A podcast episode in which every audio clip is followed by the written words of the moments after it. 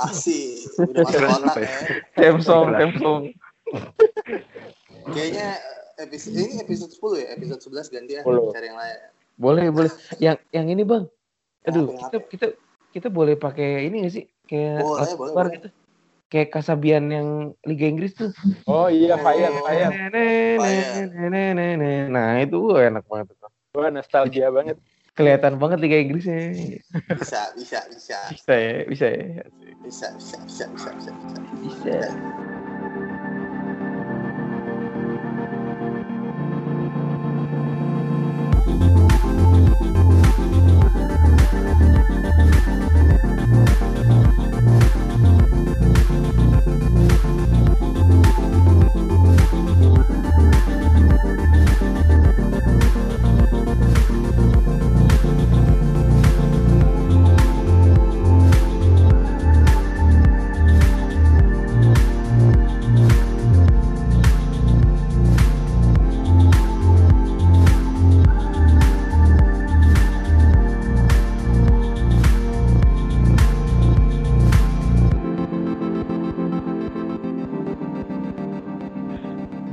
Ya, balik lagi di podcast Mister Gawang episode 10 nih. Setelah kemarin kita libur lumayan lama ya, hampir dua minggu ya. Nggak ada nggak ada kegiatan di weekend. Sekarang di weekend kali ini bakal punya kegiatan nih gerak-gerakin jempol sama pusing-pusing sedikit lah ya. Anjir. Yoi, eh, masih sama gua eh, di FL Ranger, masih ada Om Bayu, eh, terus masih ada Mbah di ujung sana, dan terakhir ada Kang Kisewu di sini. Yoi. Ya seperti kebiasaan kita nih, kalau podcast hari Jumat kita bakal nge-preview untuk game week ke besok ya nih, game week 9. Eh, tapi sebelumnya gimana nih? Eh, liburan kemarin, eh, lu beneran nggak buka apps-nya FPL kah apa gimana nih Om Bayu? Kalau gue nggak nggak sama sekali. Twitter pun gue paling cuma nengok-nengok dikit doang kan. Paling retweet retweet doang. Gimana ya? Karena ya bola gue juga nggak nggak terlalu ngikutin yang apa Europe Nation League ya. Apa sih tuh? Ah, liga, ah, liga. Tuh sampah anjir itu bikin cedera klub klub pemain-pemain klub doang. Juara apa? Juara juga nggak penting juga anjir. Yoi, jadi bener-bener baru buka ya baru baru baru sekarang sekarang sih baru di minggu yang kemarin ya. tapi sebelumnya mah enggak gue Yoi, gue juga ngerasa ini sebenarnya eh, ngasih waktu kita buat kabur sebentar ya dari FPL dan menuju dunia sebenarnya. ya ngatur-ngatur ngatur-ngatur lagi lah, nyeneng-nyenengin pasangan ya kan, main sama Iya. keluarga. Yoi, lanjut deh. Eh, pertandingan pertama ada, langsung big match, big match nih ya dibukanya. Eh, ada Chelsea lawan Manchester United. Waduh, ini kalau ngebacain statistiknya agak ngehe sih ya. Setelah Sak pensiun, Sir Alex Ferguson pensiun, eh nggak pernah menang cuy di Stamford Bridge. Ya, Enam kali ketemu, satu kali draw, lima kali kalah. Terus eh, walaupun musim kemarin MU sempat menang tapi di kandang di Old Trafford ya, yang si Herrera jadi bayangannya Hazard ya Menurut lo gimana nih Mbah Eh, Chelsea MU fansnya? Apakah ini buat para pemilik Al- siapa Alonso ya? Eh, kali ada yang masih punya free transfer mau dibuang apa suruh nahan aja Mbah? Kalau saya sih melihatnya pertandingan ini lebih ke Mourinho sih. Mourinho kabarnya dipecat apa enggaknya eh, berdasarkan Ya. pertandingan ini sih. Jadi otomatis Mourinho pasti mati-matian lah di match kali ini. Untuk parkir bus kayaknya kemungkinan sih iya. Dan Oh, mungkin iya. Alonso kalau Hmm. saya punya Alonso dan Hazard ya. Tapi saya Mhm. nggak terlalu berapa banyak sih sama Hazard. Ya minimal Alonso clean sheet saya udah seneng sih. Seperti itu sih. Walaupun oh, kenapa nggak berharap banyak sama Hazard? Kenapa Mbak? Padahal kemarin dia di apa sih Europe European Nation League. Fuck ya susah banget namanya. Eh, dia cuma main 45 menit mana lawan Belanda.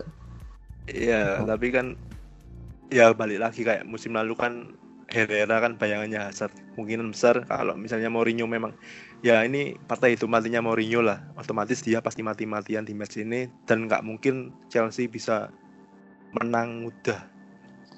Ini kemarin udah nyelamatin mukanya Mourinho ya. Untuk bisa membalikan skor. Kira-kira punya peluang nggak sih kayak Sanchez, Lukaku gitu pemain-pemain MU nih lawan ngadepin Chelsea? Kang Cis. Hmm, Chelsea lawan MU ini sebenarnya hmm, nggak gampang sih untuk Chelsea ngalahin MU ya. Ya, karena MU dengan nama besarnya dan Mourinho yang ya hidup dan mati Mourinho pastinya nggak akan menyerah gitu aja ya. Kalau untuk pemain MU sendiri yang paling potensial sih Lukaku ya, karena juga kemarin di Belgia lumayan sih. Dua gol dua gol ya kalau nggak salah. Brace, brace. Brace tuh. Tapi dia itu kan tandeman sama Hazard tuh. Nah sekarang ngelawan Hazard nih. Itu bedanya. Kalau kemarin dua gol mungkin karena satu Iya. tim. Kalau sekarang mungkin bisa aja Hazard asis dua gol ke Lukaku. On goal mungkin ya. Ya yang jelas kalau match ini uh, secara statistik ya dari form tim beberapa match kemarin Ya, Chelsea sih. buat nutup Chelsea match ini, panen, uh, Om Bayu sebagai fans MU gue ketawa dulu ya gimana ya gue ngeliat? Potensi buat menangnya susah ya karena Chelsea lagi bagus banget. Dia lagi lagi kayak di jalan tol lah nggak ada hambatan. Liverpool pun mereka bisa tahan imbang ya malah di- ditahan imbang malah. Dan harusnya MU mainnya bertahan sih. Kalau main menyerang bisa habis. Walaupun ya taruhannya Mourinho ini tapi ya gimana ya berat sih buat buat MU buat menang. Paling imbang tuh udah udah udah paling fair. imbang udah paling fair menurut gue. imbang ya. Iya imbang. Oh. Lu gimana bang? Hah? MU nih. Gue eh, udahlah kita serahin sama tim besar aja. Iya. Chelsea lawan tim semenjana ya udahlah ya kan, biar cepet aja. Yoi, eh, cuman gue cukup optimis sih sebagai pem- pemilik apa Alonso dan Hazard. gue sih ngarepnya kosong-kosong aja lah. Biar Alonso nya dapat clean sheet point. Gimana pak? Kosong-kosong atau dua sama pak? Kalau kosong kosong, oke. Kalau dua sama ya paling nggak halus sama Hazard ngegolin lah. Nah itu dia. Kalau dua sama, nggak apa-apa ada gol. Tapi Alonso harus assist atau golin, Hazard Hmm. harus golin. Amin ya semuanya ya. Amin. Nih, sebagai penutup dari harus dari fans United nih, gimana Om Bayu? Peluang MU. Mourinho dipecat kan nih sebelum pertandingan Juve? Ngelihat kemarin statistiknya De Gea lawan MU. Eh, eh De Gea lawan Inggris ya, Spanyol Inggris. Ah, ah. Itu tuh Inggris cuma punya tiga shoot on goal, tapi tiga tiganya jadi gol, men. Ini kebangetan De Gea nih. Jadi permasalahan di MU tuh pelik, bukan cuma di faktor pelatih doang, tapi di di pemainnya, di barisan pertahanan juga mereka amburadul. Bis, kalau men- buat menang lawan Chelsea berat ya, tapi imbang tuh udah paling fair. Tapi kalau kalah wajar lah, lu nggak bisa komplain banyak. Ketemu tim yang lagi melaju kenceng kayak Chelsea gini kan, apalagi Ah. Hazardnya lagi Hazardnya lagi gila top performa banget sih. Oh, iya. Jadi kita bakal punya pelatih baru nih ya. Sebagai Eh. minggu depan. tapi tapi gini ya, jangan lupa juga kalau momentumnya Chelsea kan lagi oke. Cuman berhubung kepotong sama jeda internasional, apakah momentum itu bisa terus berlanjut? Itu yang menarik sebenarnya. Gila ya. Betul betul betul betul. Emang yang kadang momentum tuh penting sih soalnya. Lagi ya kayak lo lagi lagi semangat semangatnya ya kan, lagi lagi di kamar mandi, lagi jerk off gitu kan tiba-tiba diketok-ketok sama Yaudah diketok ada yang ngetok kan dor, dor, dor, dor. berantakan mesti ngulang lagi ngayalnya dari awal lanjut lah mu- mulai ngelantur pertandingan kedua ada Bournemouth sama Southampton ini eh, ini kayaknya musim terbaiknya Bournemouth deh. Eh, dia berada ada di posisi 6. Kalau statistiknya lima kali menang, satu kali draw, dua kali kalah. Eh, musim sampai game week 8 ini dia dua poin di atas tim Manchester United. Eh, Wilson juga udah bikin berapa tiga gol sama empat assist. Kayak kalau dari keseluruhan tuh cuman Hazard yang lebih baik daripada dia involvementnya ya. Hmm. Hazard kalau nggak salah Hazard kan baru tujuh gol ya. tujuh Tujuh gol gol. Tujuh gol. Ya tujuh gol, tujuh gol. Ya kalau nggak sekitar segitulah ya. Yang Bournemouth ini lagi terbang tinggi banget sih si tim asuhannya Eddie Howe. Ngomong-ngomong Eddie Howe nih salah satu pelatih Inggris, pelatih muda Inggris yang Xiaomi ya, jarang-jarang. Eh, gimana mbak? Menurut mbak? Bournemouth. Eh, kalau ini sih saya tetap pegang Bournemouth sih karena selama empat laga kandang mereka musim ini awal mereka udah Mhm. mencetak 10 gol sedangkan Soton selama away dari empat laga sudah kemasukan 7 gol nah ini kan sebuah pertanda bahwa yang punya King atau Wilson atau Fraser atau bahkan Stanislas ya berharap lebih bisa lah Ya, eh, tapi ini Soton juga dia tim dengan jumlah tembakan terbanyak ketiga di bawah Chelsea. Oh, main banyak loh ini di bawah Chelsea sama City. Ya. Cuma masalahnya nge-shoot doang kalau nggak ada kagak ada golnya ya percuma juga ya. Gimana nih Bang Bayu ini? Faktor Felipe Anderson sama Yarmolenko ya yang tadi gue bilang tadi kalau misalnya ditanya apalagi jadwal selanjutnya si West Ham United kan bener-bener ini apa nih? Waduh. Oh, astagfirullah ngantuk bos Makanya kalau taping itu sekali aja jangan diulang-ulang. ini Bournemouth sama Soton nih. Ya. Kayaknya tadi lagi tidur tuh Manji gue tembak.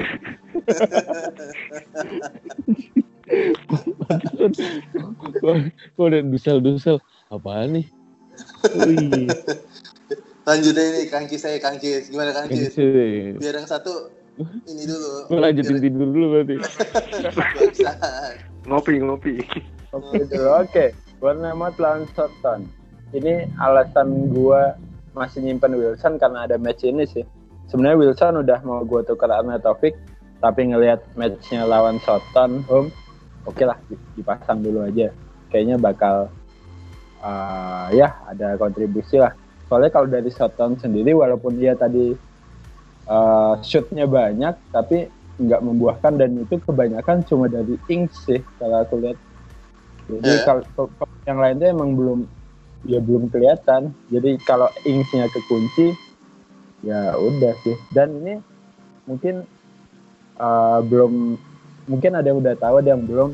Bournemouth lawan Southampton ini bisa dikategorikan sebagai derby loh. Derby Pantai Selatan. Ya, ya, Dia ya. Pantai sebelahan soalnya. Jadi memang apa zaman dulu gue main PES itu kalau pakai Bournemouth lawan Soton derby gitu. Ada aktif ya.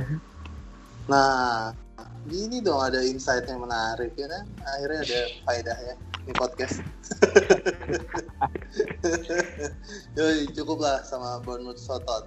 Nah, sekarang Berikutnya ada perandingan Cardiff sama Fulham nih. Nih Cardiff Fulham ya. Cardiff tuh di papan bawah ya. Iya. Kayaknya di peringkat berapa? 20 apa Bawah banget anjir. Bukan Bawah papan banget bawah lagi dia. Dasar. Nih, eh, di statistiknya Cardiff pernah ngalahin Fulham dua kali di tahun di season berapa? 13 2013 2014. Mm. Jadi mungkin ini jadi modal buat Cardiff ya. Eh, sejarahnya gue pernah ngalahin lo dua kali dalam satu musim. mungkin bisa diulang lagi. Eh, Dan tapi catatan berikutnya Fulham juga belum pernah clean sheet di 23 pertandingan away-nya. Gila, sampah banget nih Fulham ya. 23 pertandingan away nggak pernah clean sheet. Pertahanan eh pertahanannya juga nggak nggak bagus-bagus banget ternyata. Gua, gua pikir bagus. Si, Masih lebih alot Wolves anjir. Ya Oh. jauh lah, jauh lah. itu beda kayak udah Wow, levelnya. jauh lah, jauh. Iya. itu itu nggak berasa tim baru promosi gitu. Yoi, eh, gimana? Ada yang punya catatan nggak nih soal Cardiff sama Fulham selain Mitrovic ya? Eh, sebagai war- rakyat yang mempunyai Mitrovic pasti berdoa banyak lah biar dia dia nyekor. Kang Cis? Di match ini nggak tahu kenapa kayaknya malah kalau buat yang pingin cari pembeda, coba cari back Cardiff deh. Iya, gue tahu emang ada Mitrovic, tapi uh, peluang Cardiff untuk clean sheet ya cukup ada lah. Karena Cardiff main kandang juga karena dia punya rekor bagus ngelawan Fulham. Dan Fulham kalau emang udah benar-benar Mitrovicnya kekunci kayak kita lihat di beberapa match kemarin beneran susah ngegolin. Dan si Cardiff juga punya Etheridge kan kiper yang uh, awal-awal uh, me- game week kemarin sempat dua kali save penalti lah ya. Pokoknya sempat heboh lah. Jadi kalau makanya kalau nge- ngecek di Cisewu Pick di tweet Mhm. gue itu gue ngerekomendasiin Sol Bamba lah untuk dipasang nih lawan Cardiff karena Bamba itu juga apa ya threat threat untuk menyerangnya lumayan sih. Atau kalau mau yang agak versi agak mahal dikit Morrison. Morrison tuh threatnya lebih tinggi jadi antara dua itu sih Morrison udah dua assist kalau Bamba ini Gol. udah satu gol Oh ya udah satu gol. Iya kalau misalkan mau ngelihat mid atau penyerang Cardiff agak susah sih. Bingung banget mau pasang siapa. Jadi yang, yang paling aman sih uh, back dengan potensi penyerangan. Mantap. Iya lengkap banget loh Kang Cis. Lengkap. Mengulas Cardiff sampai bingung gue mau nambahin. Mewakili kita semua. Yoi. Lanjut aja lah ke pertanyaan berikutnya ya kan. Biar kita ada giliran ngomong bukan Kang Cis semua. Eh, pertanyaan berikutnya ada Manchester City lawan Burnley ini. Waduh, wah, deg-degan loh ini nggak punya Kasih- Aguero. Kasih ke fansnya Manchester City dong, yang baru beli jersey-nya tuh. Oh iya. Baru menang lelang nih ya.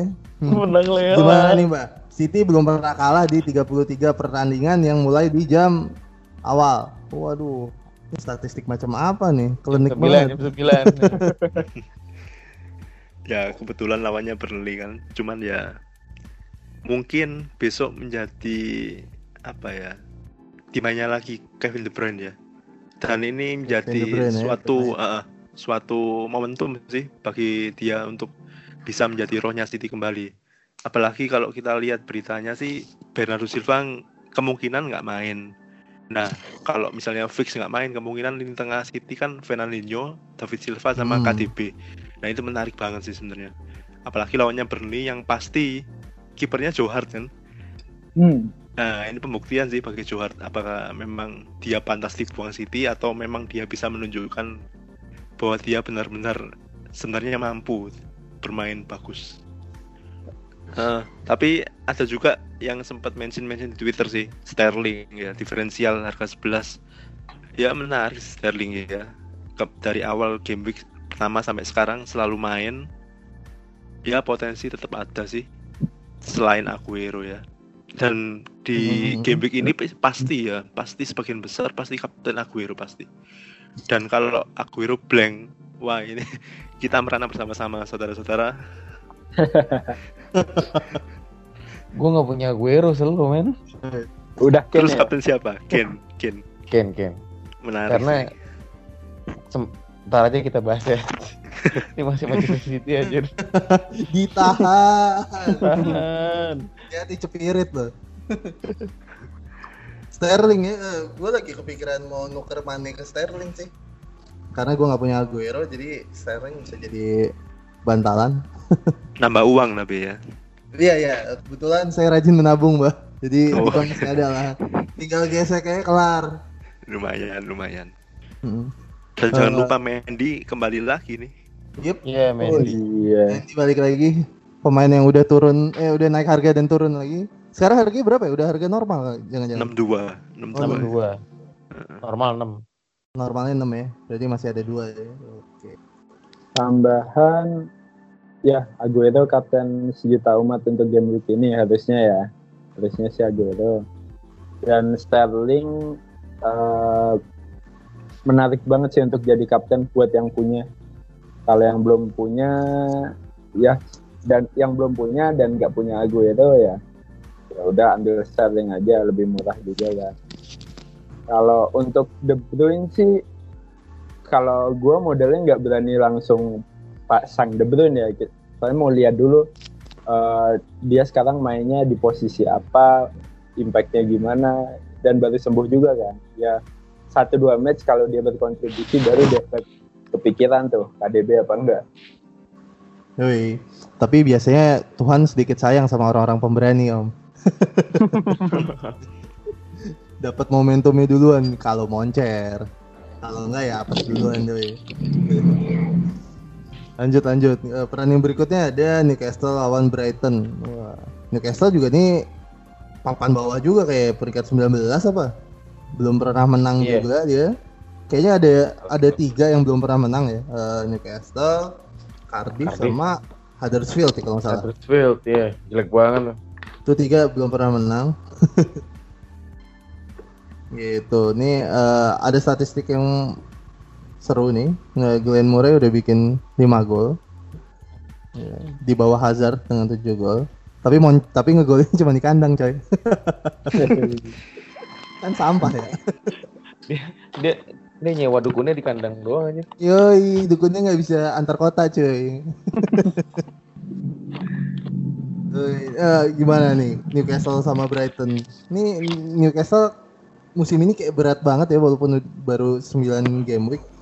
Cuman eh, nggak tahu sih si Rafa nih bisa ngangkat timnya lagi nggak nih? Karena kan kalau di eh, ada anek ada yang bilang statistiknya kalau tim mau lolos dari degradasi lo harus achieve 40 poin gitu kan dalam semusim. Kalau udah lewat 40 poin otomatis aman tuh. Menurut lo si Benitez bisa bawa Newcastle ke 40 poin itu nggak sih Om Bayu? Hmm, nah, terlalu dini ya untuk sekarang ya cuman harusnya besok lawan Brighton jadi titik balik ke Newcastle buat ambil poin penuh gitu lu mau kapan lagi buat buat buat, buat menang gitu. apalagi kemarin mereka hampir hampir membuat malu Manchester United di Old Trafford jadi gue rasa apa ya mereka, mereka semangatnya mereka mak- makin gede nih apalagi jamunya Brighton kan. Boleh boleh nanya nggak itu pemain barunya Newcastle siapa yang terbaru ya? Kalau Kennedy kan emang dari musim lalu. Mito, Mito, Mito. oh ya Mi Muto Muto. Ngikut lagi bangke. eh Muto ya ya nggak bisa berharap banyak juga sih ya. Bukan pemain yang emang kelas atas yang bisa bantu timnya buat menang gitu loh Oh iya, siapa pemain kelas atas yang mau gabung Newcastle kan susah. Padahal Newcastle nih tim yang waktu gue kecil eh, cukup membuat gue apa ya bingung memilih antara Newcastle sama MU loh. Oh iya, iya zamannya siapa ya? Gary Speed, Robert Lee, eh, Iya.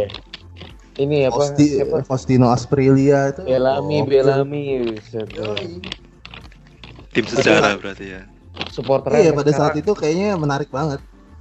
supporternya sampai sekarang disebutnya keren The Tunes Army anjir. Iya itu Tunes Army. Dan lumayan gede loh itu di Indonesia. Gede. Iya, ini tetangga gue ada yang The Tunes Army aja.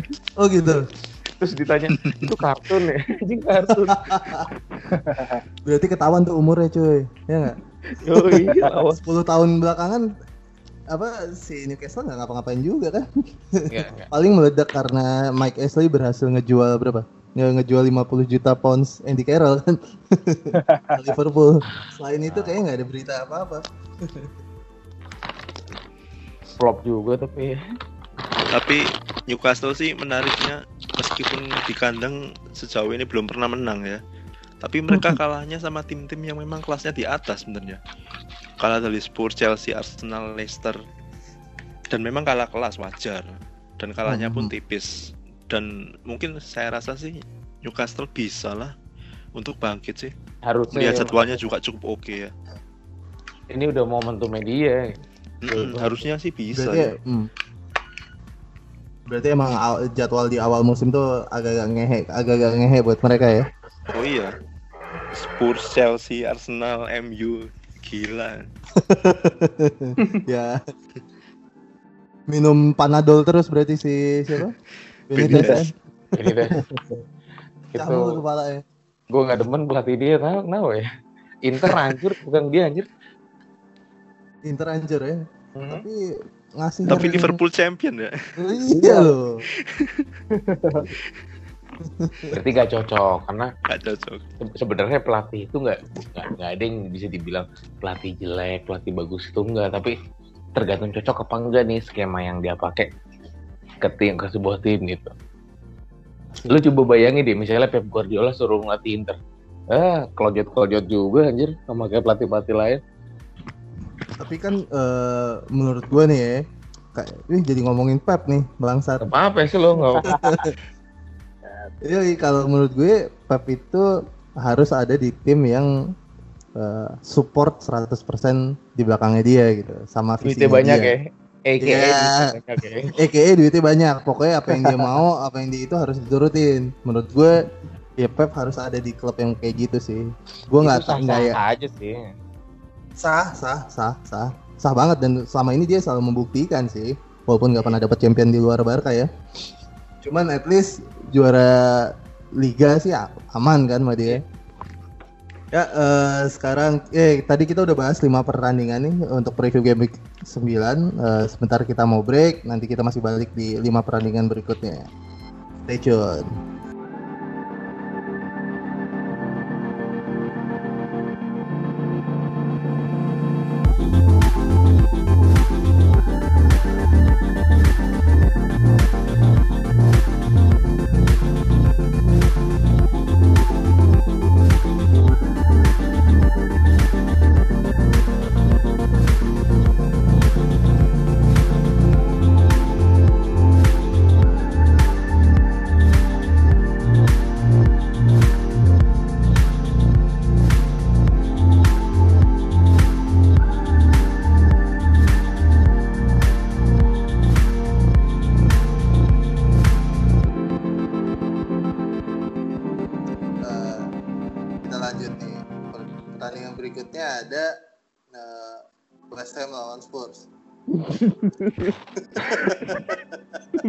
Lu pada kenapa ketawa?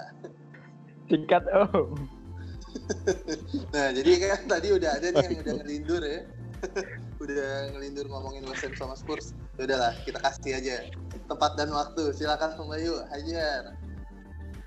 untuk yang buat masih punya kapten apa Harry Kane ditahan dulu apalagi kalau lo, lo berani lo kaptenin sekalian karena rekor Harry Kane lumayan bagus sih kalau main away apalagi ketemunya Spurs.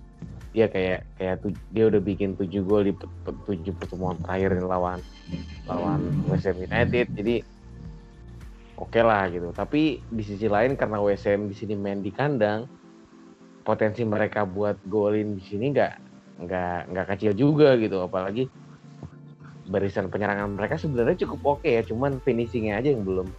Dan ntar kita lihat dari Kang Cisewu ataupun yang lainnya ngomongin soal Arnautovic karena gue nggak terlalu paham pemain ini Wih. Ya Natafik sih emang eh, apa ya fixture proof sih. Masih mau di game kayak apa?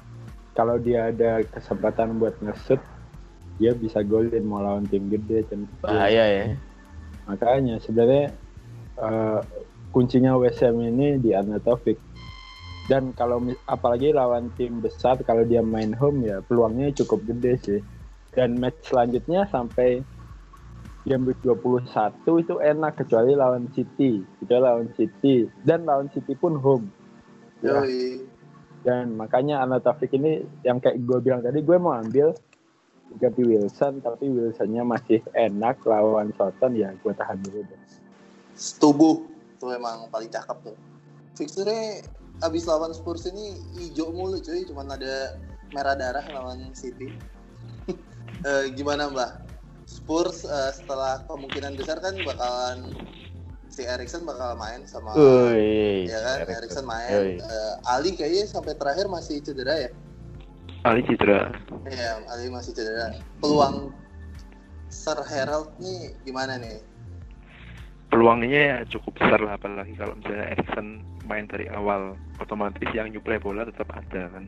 Kan Hmm. permasalahannya itu yang nyuplai bola ke Kane kan selama Erikson nggak ada kan susah nggak ada yang nyuplai itu sih tapi yang menarik sebenarnya dari West Ham sih Ah, Alex ya. ini sempat bilang waktu konferensi pers Arnautovic oke fit dia bisa main tapi Udah, udah bisa main, ya. berhati-hati berhati-hati dengan lututnya nah itu kan dua kalimat itu kan sebenarnya agak membingungkan juga. Ya, ya, ya, ya. Arnautovic oke tapi saya harus berhati-hati dengan lututnya jadi kemungkinan ya tetap bisa main cuman untuk long term jangka panjang sih ya untuk Arnautovic ya kita tahu lah musim-musim sebelumnya kayak gimana Hmm. ya main pemain mediocre ya jangan terlalu berharap banyak lah itu Asik. sih Mediocre. Bah, bah. iya Fardi kan mediocre apa enggak, bah? Fardi mediocre apa enggak? Fardi itu mediocre tapi naik titik sedikit Apa itu? Mediocre tapi naik titik. Iya, iya. dan iya, terbukti iya. kan Fardi kan bisa Leicester juara kan Oke, wih sih. Sedap. ya. Cakep loh, naik setitik ya. Gimana nih titiknya? Na- naik City, naik City tuh naik sedikit. Yoi. Gitu deh. Eh, berarti kalau yang punya eh, kayak gua nih yang punya masih punya Kane, gue sih akan nahan sih sepertinya.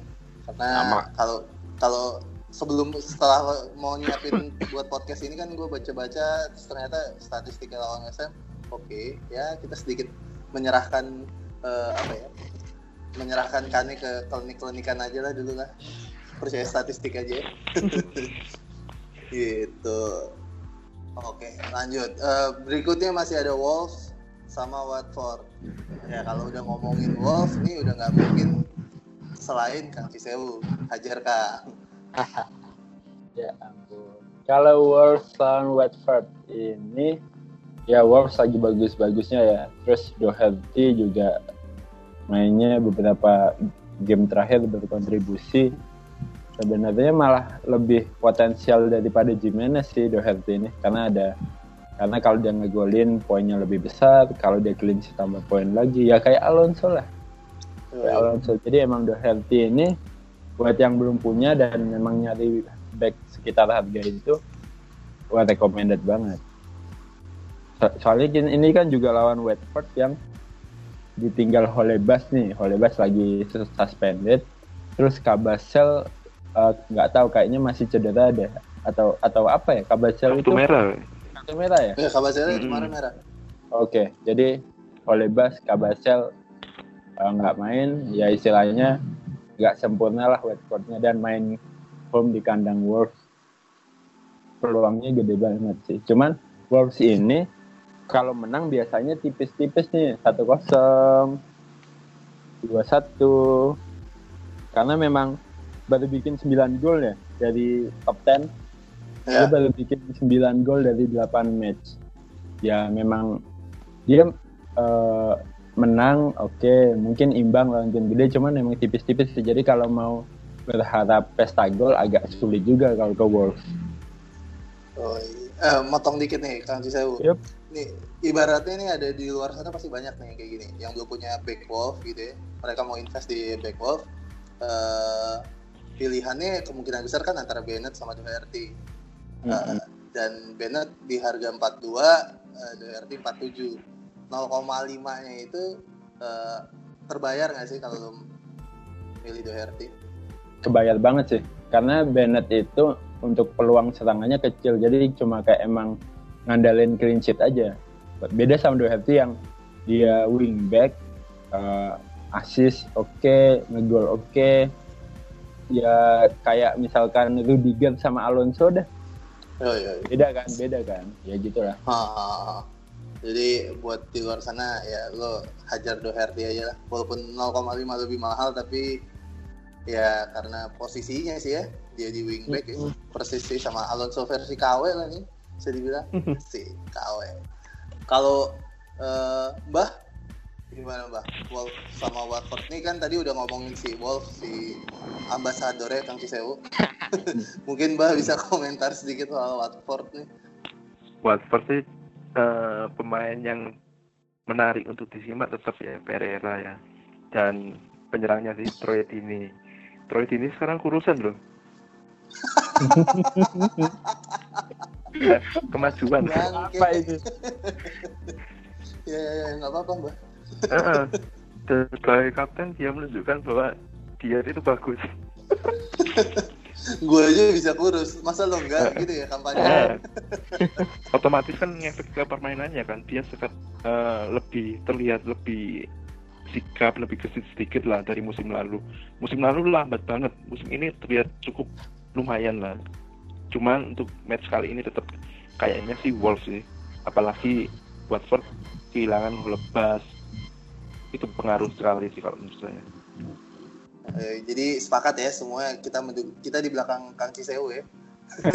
Sebagai duta Ya, ambasador eh, ketua Duta Wolves Indonesia. ketua. Wolves FC Indonesia. Tangerang. Wolves. Tangerang Wolves. Udah, Tangerang Wolves. lanjut lanjut Eh, pertandingan berikutnya ada Huddersfield lawan Liverpool. Wah. ini pertandingan yang bikin pecah kepala semua orang Aduh. Bukan Gila, karena yang bikin pecah kepala sebenarnya bukan karena mampukah Liverpool mengalahkan Huddersfield. Bukan ya bukan itu ya. Lebih ke siapa yang main nih Liverpoolnya? Eh, gimana nih Om Bayu? Liverpool sama Huddersfield. Siapa sih yang bakal main nih kira-kira? Awalnya kan yang disangkakan itu yang pas awal-awal minggu kemarin yang pasti absen tuh kayak Virgil van Dijk, Sadio Mane, Salah sama Nabi Keita. Cuman ternyata update terakhir nih dari Mbah tadi ya Mbah. Ah. Lu yang ngomong Pak. ya? Si Salah nah, Salah sama Sa- Salah sama Virgil van Dijk udah udah latihan tuh nyelot gila. Berarti tinggal Mane, Keita dan ada lagi nama Milner yang kemungkinan absen Mhm.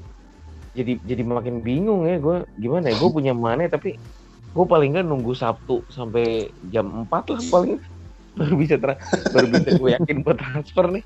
Bahaya karena pada saat kita misalnya kita tuh transfer tiba-tiba Mane main terus Mane gacor wah nyesel men. Itu gue nggak bisa tidur ya. Ke weekend lah. yo yo gue juga punya mana nih. Dan Iya. kemungkinan besar kalau emang sampai Sabtu dia masih nggak jelas gue akan tukar ke Sterling kemungkinan besar. Cuman jadinya Jadi- gue nggak punya Mane tuh kayak kecetit tangannya men. Nggak apa-apa tapi kayak kecetit. Jadi lu- ya, lu, eh, kita, kita kita kita aja ya kita misalnya main ke Seleo gitu anggaplah. Seleo kan nggak bisa langsung sembuh kan? Tetap aja Nah, kagak iya. enak main lari, lari tangan ke Seleo gitu, gitu. feeling gue sih kayaknya Mane kagak main nih kita lihat nanti dah. Oh, iya. Eh, masalahnya Liverpool musim ini skuadnya dalam kan? Nah. Itu yang membedakan nih. Jadi eh, udah banyak nih pemain-pemain lain yang ngantri. Sih ada Shakiri ada Sturridge. Ya, kemungkinan besar kalau Mane nggak main mungkin Sturridge yang didorong di nomor 9 Firmino yang agak turun. Firmino emang Ya, lebar Firmino agak turun dan masih dia mereka juga masih punya Shakiri gitu. Iya. Itu sih.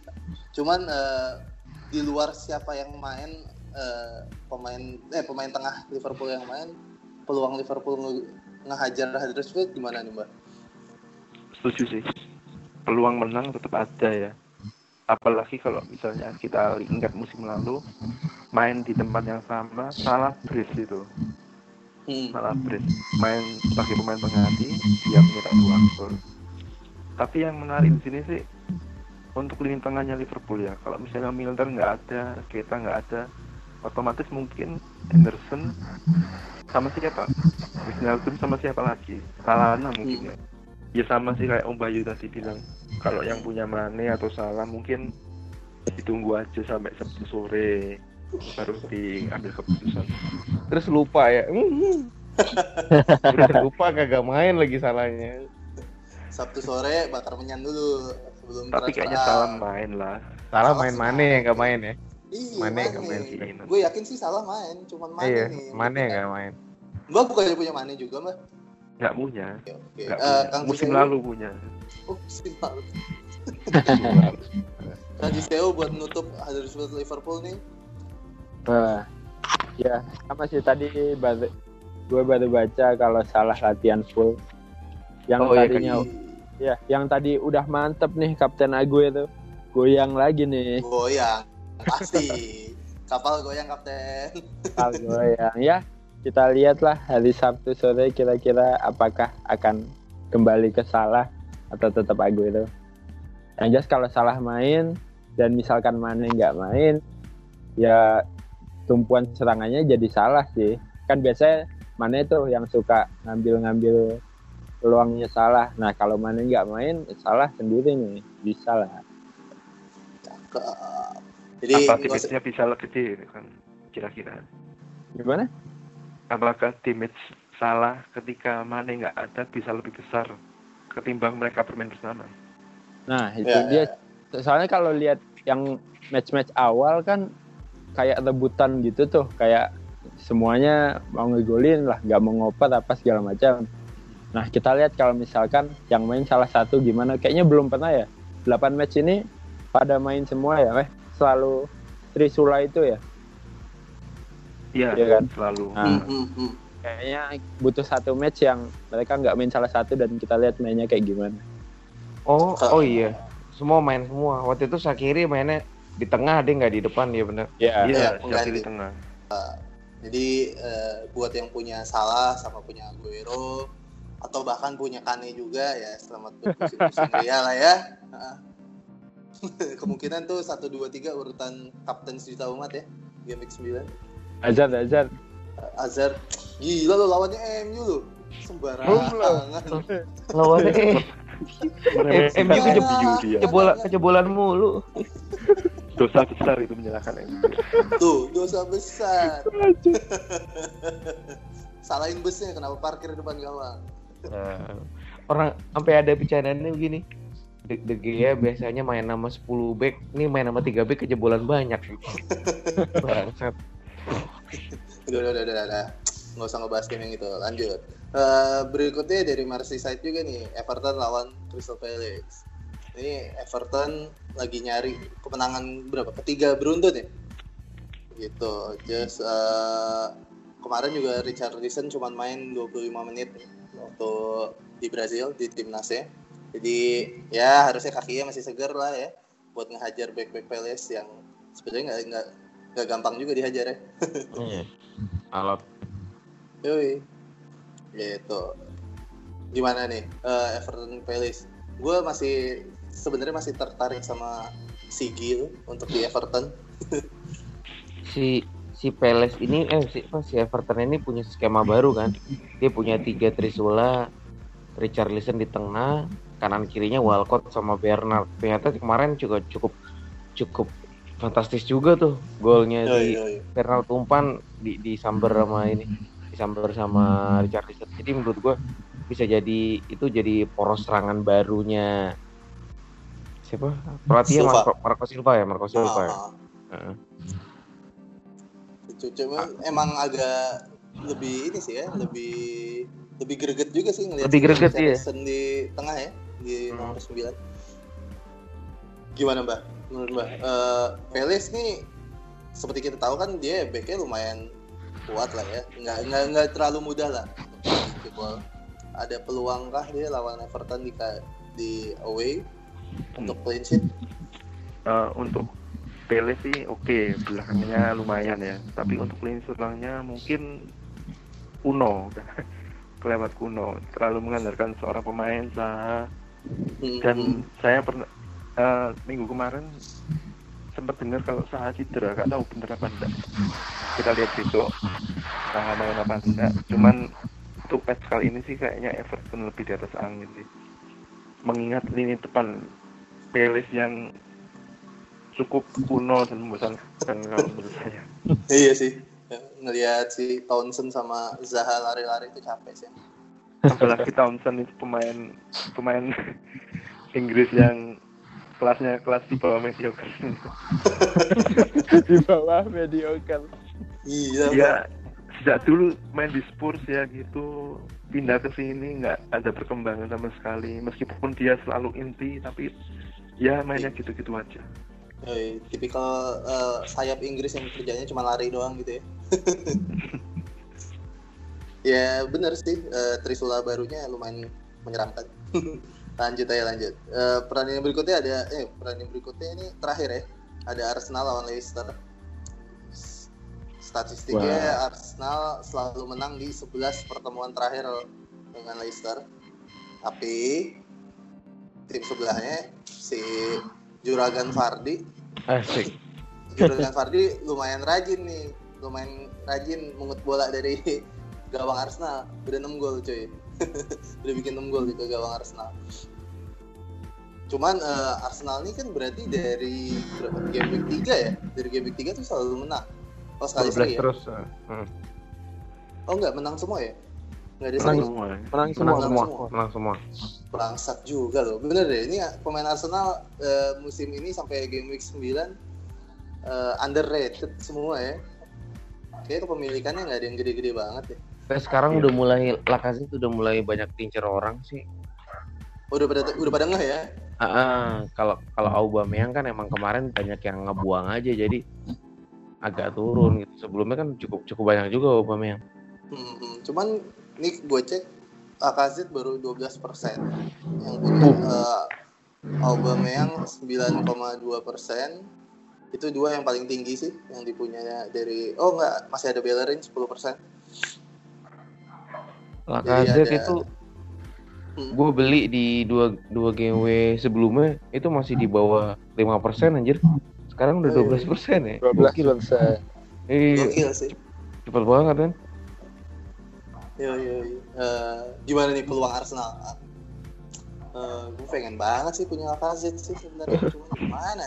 Ngacak-ngacak depan gue udah ada Mitrovic, Kane, Wilson. Nggak bisa cuma satu pemain diganti, kita harus dua. Iya. Terus dua. harus dua dua ya? buat masukin Lacazette. Yoi. Gimana mbak? Harga iya kalau saya sih pinginnya sih ada kejutan lah dari Leicester ya apalagi kalau kita lihat Vardy Vardy kan kesukaannya membobol gawang lawan yang tipikal permainannya menyerang Ya, ya. Arsenal pasti main menyerang di laga kali ini dan peluang Vardy untuk mencetak gol pasti ada untuk pertandingan kali ini sih kalau menurut saya dan semoga ada kejutan lah supaya Iya. Arsenal nggak nggak menang terus Benar benar benar benar. Semakin percaya diri ya.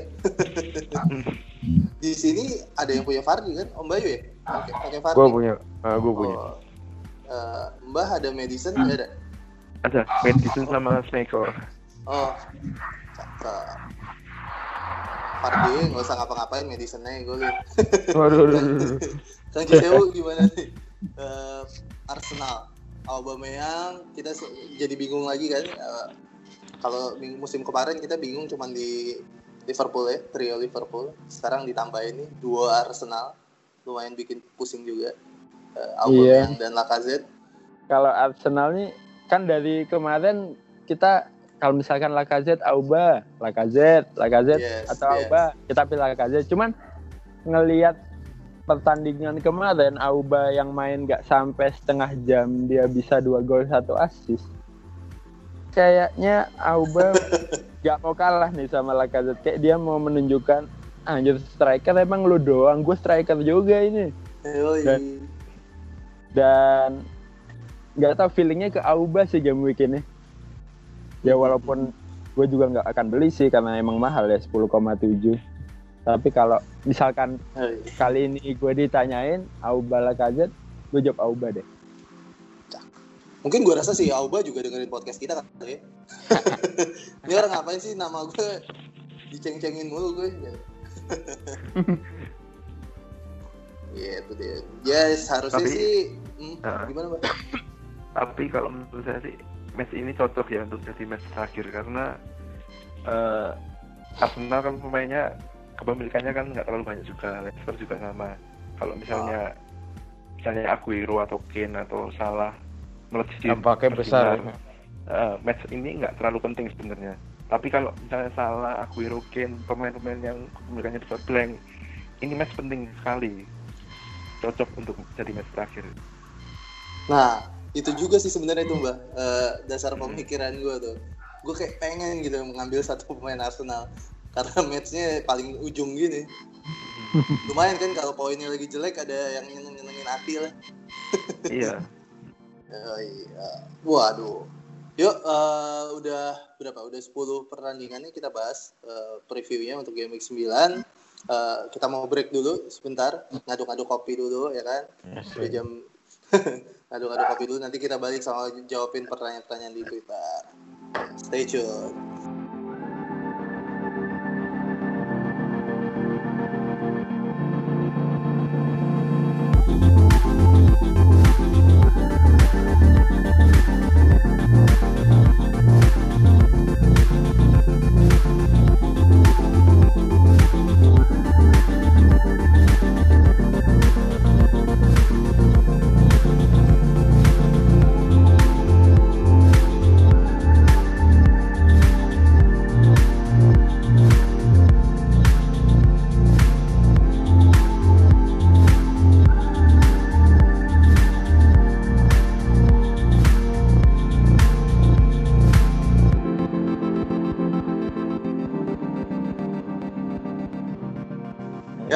Lagi di podcast Mister Gawang episode berapa nih? Episode 10.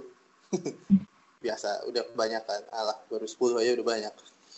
Eh, lanjut aja nih kita jawab-jawaban yang pertanyaan dari Twitter. Hmm, ada pertanyaan pertama, Kapten Aguero atau Hazard? Jawab cepat aja nih. Kalau Kang Cis, Aguero. Aguero. Om Bayu, Hazard. ih, katanya fans MU kamu. Gue gak punya Aguero. Oke, Mbak. Aguero. Aguero. Sama lah sepakat gua Aguero juga. Per- pertanyaan kedua ada kans Liverpool dan peluang Sturridge plus Sakiri. Hmm, Mbak aja deh yang jawab deh. Gimana Mbak? Peluang Sturridge ya. Kalau misalnya Mane nggak pasti nggak main ya peluangnya tetap ada. Cuman untuk ngambil pemain macam macam Sturridge sama Sakiri kan untuk long term kurang bagus ya. Main yang cadangan jarang main dipa- diambil kita ambil itu ya kurang oke lah dengan harga segitu. Oi, tapi kalau kansnya Liverpool eh, sendiri gimana Mbak? Menang lah ya. Menang lah semoga. Huddersfield. Siapa pun yang main nih Mbak ya. 0-1. Eh, kayak Anderson golin Asik ya Anderson. Ya lu nggak apa-apa lah, nggak ada yang punya. Lan- Lanjut pertanyaan berikutnya Newcastle, Brighton, West Ham dan Leicester punya jadwal menarik. Siapa nih pemain yang layak diambil buat jangka panjang? Waduh, ini pertanyaan. Waduh, kompleks. Kang Cis nih. Ah, kompleks kan Kang Cis. Anak kompleks ya kan? Anak kompleks. Kompleks. Pol tangan. Yoi, anak kompleks naiknya ranking. Aduh. Hajar hajar Kang Cis yuk. Newcastle, Hajar, Brighton, ya. West Ham sama Leicester. Ini jadwalnya Hmm. emang enak-enak sih semua. Siapa pemain yang layak diambil buat jangka panjang? Oke, Hmm. satu-satu aja ya. Kalau Hmm. Newcastle itu hmm, Kennedy mungkin ya. Kalau Kennedy Kennedy udah start eh, udah rutin start belum sih? Soalnya di awal-awal Udah. kan Udah, udah, udah. Oke, Kalau emang si ya? Kennedy, Kennedy eh, tapi Kennedy tu, itu sih 75 persen sih tapi udah latihan kok Kang. udah latihan ya. Hmm. Ya sih kalau Iya. kalau memang kira-kira Benitez sudah percaya sama Kennedy, Kennedy menarik buat jadi opsi. Kalau. Brighton jelas Glenn Murray, Glenn Murray udah 5 gol. Ya untuk jangka panjang ya udahlah itu dibeli ditungguin aja golinnya kapan pas home aja biasanya ya. Ya agak sulit sih. Kalau West Ham jelas Arnautovic. One and only. Ya. Gak tahu deh kalau yang lain. Ya pokoknya yang jelas-jelas aja Arnautovic sih. Dan terakhir Leicester. Leicester ini orang banyak medicine ya. Tapi Hmm. kalau gue sih eh, tim Sufardi Nasir. Ya, Hmm. jadi jadi Fardi aja deh yang diambil buat jangka panjang. Ya karena dia posisinya di depan, pengambil penalti utama ya kan kalau misalkan ada Fadli yang ambil Fadli cuman kemarin yang ambil Madison karena Fadli udah keluar ya walaupun harganya bikin pusing karena slot striker cuma tiga juga eh, ya sulit sih cuman kalau untuk potensi poin lebih condong ke Vardy Gila kan wawasannya gokil. Hmm. Biar kita bisa istirahat sebentar. Munyo Makasih Kang Kis. Lanjut. Pertandingan eh pertandingan berikutnya Johar lawan City atau McCarthy lawan Bournemouth. Hmm, gua aja, gua aja deh yang jawab. Gua punya Katai gue soalnya. aja yang jawab nih. Ini terlalu gampang pertanyaannya deh. Udah kelar. Ya, makanya enak kan enaknya jadi yang ngebawain tuh begitu. gitu coy. Johar lawan City sama McCarthy lawan Bournemouth. Ya, kalau dari fixture sih McCarthy ya. Cuman gue punya Johar, gue sih pasang Johar sih. Kalau kalau pilihannya Johar atau McCarthy ya, gue pasang Johar. Lanjut. Eh, woi, ini bapak bapak hit di bapak hit FPL Twitter nih. Aturan nama lo Om Bayu at FPL Hits. Ini Kalau- bukan bukan FPL Baygon sih. FPL ya yang bagus katanya Vape cuy. Asik. Eh gimana Om Bayu nih? Pertanyaannya kalau mau take hit apa aja yang harus dipertimbangkan? Waduh kalau Om Bayu mah nggak ada yang ditimbang nih. sebenarnya simple ya Pa- pada saat lu lu mau take a hit lu harus pikirin paling enggak balik modal dulu ya balik modal dulu terus kedua jangka panjangnya pemain ini bakal gimana nih efeknya ke tim lu dua itu sih yang sebenarnya jadi dasar kalau kita mau ambil take hit jadi jangan lihat forma misalnya oh lagi lagi ngaceng nih misalnya. Terus lo ambil aja. Nggak taunya besok klub kayak Holebas contohnya ya. Di beberapa di game-game awal bagus pas banyak yang ambil itu zong anjing sampai sampai empat sampai empat pertandingan kalau nggak salah zongnya. Jadi benar-benar dipikirin aja kalau misalnya lo mau take hit ini dampaknya ke tim lo gimana terus feedbacknya ke tim lo gimana supaya kalau misalnya zong lo nggak nyesel nyesel amat. Karena kalau udah take a hit pasti intinya ya penyesalan pasti bakal datang sih. Kayak misalnya kayak contohnya lo deh bang Erik. Lo kayak mau ngambil eh lo lo punya Aguero tapi lo malah ngambil Ken kan? Padahal lo Yoi. misalnya lo, lo bisa save lo bisa punya dua transfer besok. Kayak kayak gitulah Cakep. Gua lagi dijadiin contoh. yo gue kepikirannya lo Nih, seharusnya sih biasanya ya, yang paling tua punya jawaban yang lebih diplomatis ya. Gimana Mbak? tergantung sih kalau misalnya mau minus sih mau yang untuk jangka panjang atau pendek sih kalau misalnya feeling untuk pekan ini misalnya pemain ini bisa membayar lunas minusnya ya silahkan tapi mungkin ada beberapa pemain yang bisa untuk minus untuk jangka panjang. Kayak misalnya kita ambil pemain-pemain yang eh, punya nama udah kayak Kane atau Salah. Yang Nah, salah ya. minus j- untuk jangka panjang ya. Meskipun untuk pekan ini dia blank ya tahan aja dulu lah. Tapi selama kita punya feeling kalau dia pekan ini bisa membalas itu membayar lunas minusnya ya ambil aja. Eh gue mau nanya dong. Gue mau nanya boleh? ya? Iya, gim- iya, iya. lanjut lanjut. Ah. nanya ke Kang Cisewu boleh ya waduh ya Boleh, boleh. Ya. Kang cara menggunakan apa chip free hit terbaik kapan sih Bajingan. Bajingan.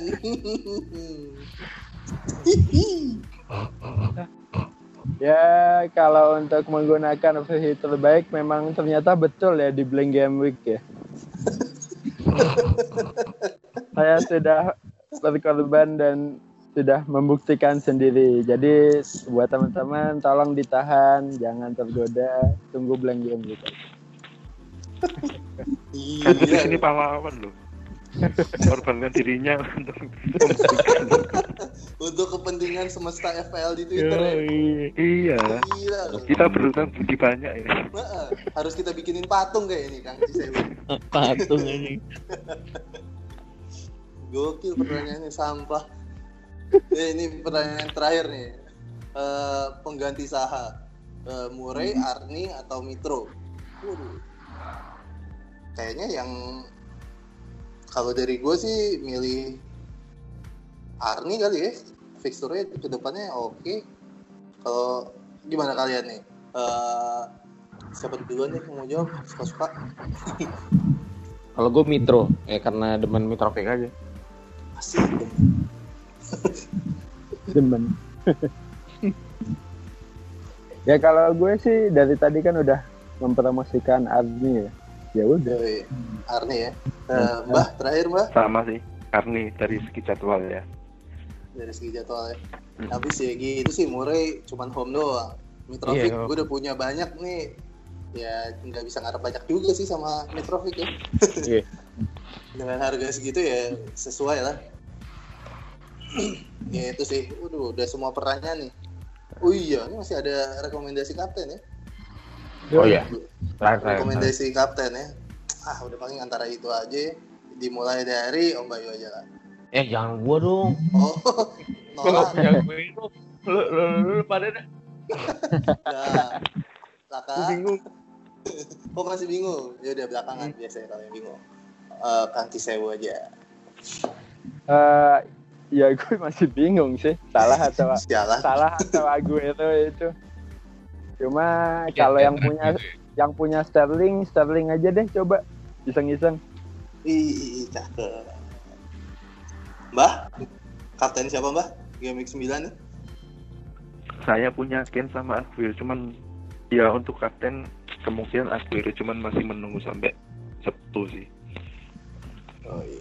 Sabtu, Sabtu buset dah. sama aja lah Sama aja.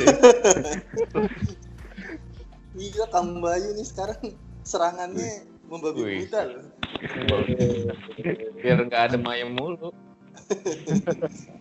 Eh, gimana? Udah udah kepikiran belum nih? Om Ya udah, udah, udah. Udah, udah. Kaptennya siapa? Hazard. Hazard. Hazard. Ah, Hazard. Hazard game pertama Pak. Gila, lu itu kalau nih, blank itu sepanjang hari Iya, Minimal satu hari gol nggak apa-apa lah. Minimal satu gol bisa Hazard. Bagus Minimal bagus satu satu gol gol satu ya. asis. ya. Satu gol satu asis udah bagus. Anda sih, meremehkan Mourinho mm-mm. Gue bukan meremehkan, gue meremehkan De Gea. Gue lagi sampah sih emang mainnya. lagi sampah lagi sampah. Gitu. Kalau gue secara gue sekarang punya Kane doang, Kak. punya Hazard sama Kane yang pemain super premium ya. Otomatis Kane langsung. Cuman lagi berpikir untuk masukin Sterling kalau kalau jadi Sterling sih menarik sih jadi pilihan. Gitu dah. Gila ya. Hari Kamis nih udah ikat kapten aja. Cukup. Jadi kalau pesan dari Kang Cis, eh, hati-hatilah menggunakan free hit ya. Jadi Terus gunakanlah sudah- free baygon. Gimana kalau besok kita bikin hashtag anti free hit free hit club asik. Duta free hit duta free hit Duta free hit. Udah ambasador Wolf, ambasador free hit. Waduh, serem nih Kang. Oh, iya, iya. Eh, ya eh, udah semua nih kita bahas di podcast episode 10 nih. Eh, preview untuk game week 9, 10 pertandingan udah kita bacain nih. Udah dikasih insight banyak banget. Eh, terus apa nih pertanyaan-pertanyaan dari Twitter juga udah dijawab, rekomendasi kapten udah dikasih semua. Eh, udah sampai di ujung nih, asik di ujung. Dan udah jam setengah satu ada. tuh. Wih, ini, ini paling panjang nih sampai setengah satu. Biasanya kita selesai jam 12 karena satu dan banyak-banyak hal. Asik. Sampai ada yang ngelindur ketiduran. Yoi, sampai ada yang ngelindur lagi ngebahas klub apa dia jawab yang mana. mungkin masih ada sisa-sisa rohnya bapak di sini Tuh kan dibahas mulu sih bapak. Aduh. iya si bapak emang nih Eh, klubnya bapak baru menang lo tadi lo. Tiga kosong Iya. Oh, Tuh kan jadi ngelindur lagi main ke Liga 1. Aduh. ya eh, udahlah thank you buat semua yang udah dengerin. Thank yang udah you. dengerin. Thank you banget kalau di luar sana ada yang udah dengerin kita dari episode 1 Hmm, ya apa ya itu jadi bikin kita semangat lah bikin ngerekam podcast terus. Asik. Terus jangan lupa dengerin kita di Spotify di SoundCloud tetap ada. Mm-mm. cuman kalau lo mau dengerin podcast kita yang lama-lama eh, cari di Spotify sih di SoundCloud karena kita rakyat agak susah ya rakyat jelata jadi kuotanya kan doi dibatasin tuh. Jadi yang lama-lama kita hapus gitu. Yang lengkap ada di Spotify. Ya, itu sih ya wis lah eh, kita pamit aja dulu. Sampai ketemu di podcast selanjutnya. Ciao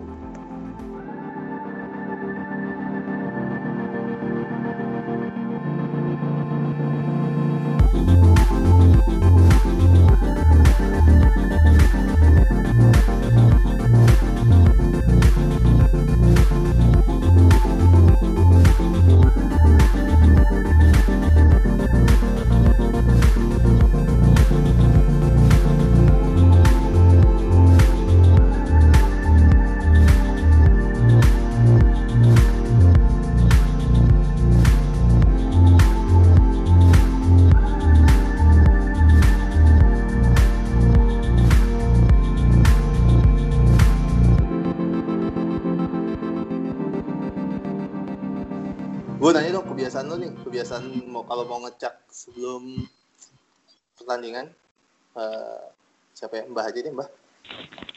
Hah? lo punya ritual nggak sih? Kalau kayak gue nih kalau sebelum game eh, apa? Mau menghadapi game week gue biasanya itu hari eh, Senin gue abis abis game week sebelumnya gue watchlist watchlistin dulu nih pemain-pemain yang nyekor ya kan? Masukin watchlist terus kira-kira hari Kamis mulai deh buka-buka Twitter buka-buka cari-cari info buat apa pemain yang atau pemain yang cedera atau apalah dari segala macam informasi. Jumat biasanya gue bikin eh, apa sih eh, kasaran dulu lah. Gue ganti ini gue ganti ini kira-kira duitnya cukup apa enggak Sabtu biasanya eksekusi. Kalau lu gimana tuh mbak? Kalau prosesnya? saya sih eh, ya cari informasi tetap yang penting ya. Untuk main FPL kita harus memperkaya informasi sih dari siapa pun lah. Karena informasi untuk FPL ya penting. Cuman balik lagi informasi kalau kitanya nggak cocok juga nggak bisa balik lagi kita. Dan untuk milih pemain sih mungkin saya Sabtu ya. Sabtu itu saya bener-bener untuk mikir pemain itu Sabtu sih. Kalau misalnya hari-hari lain enggak sih. Sabtu biasanya Sabtu. Ya Sabtu. Kecuali kalau memang urgent. Misalnya pemain ini kira-kira oke nih untuk jangka panjang harganya mau Hmm. naik langsung aja. Cuman kalau nggak urgent ya Sabtu. Siap. Tuh. Gitu tuh kelakuannya mbah tuh kalau hari Sabtu kan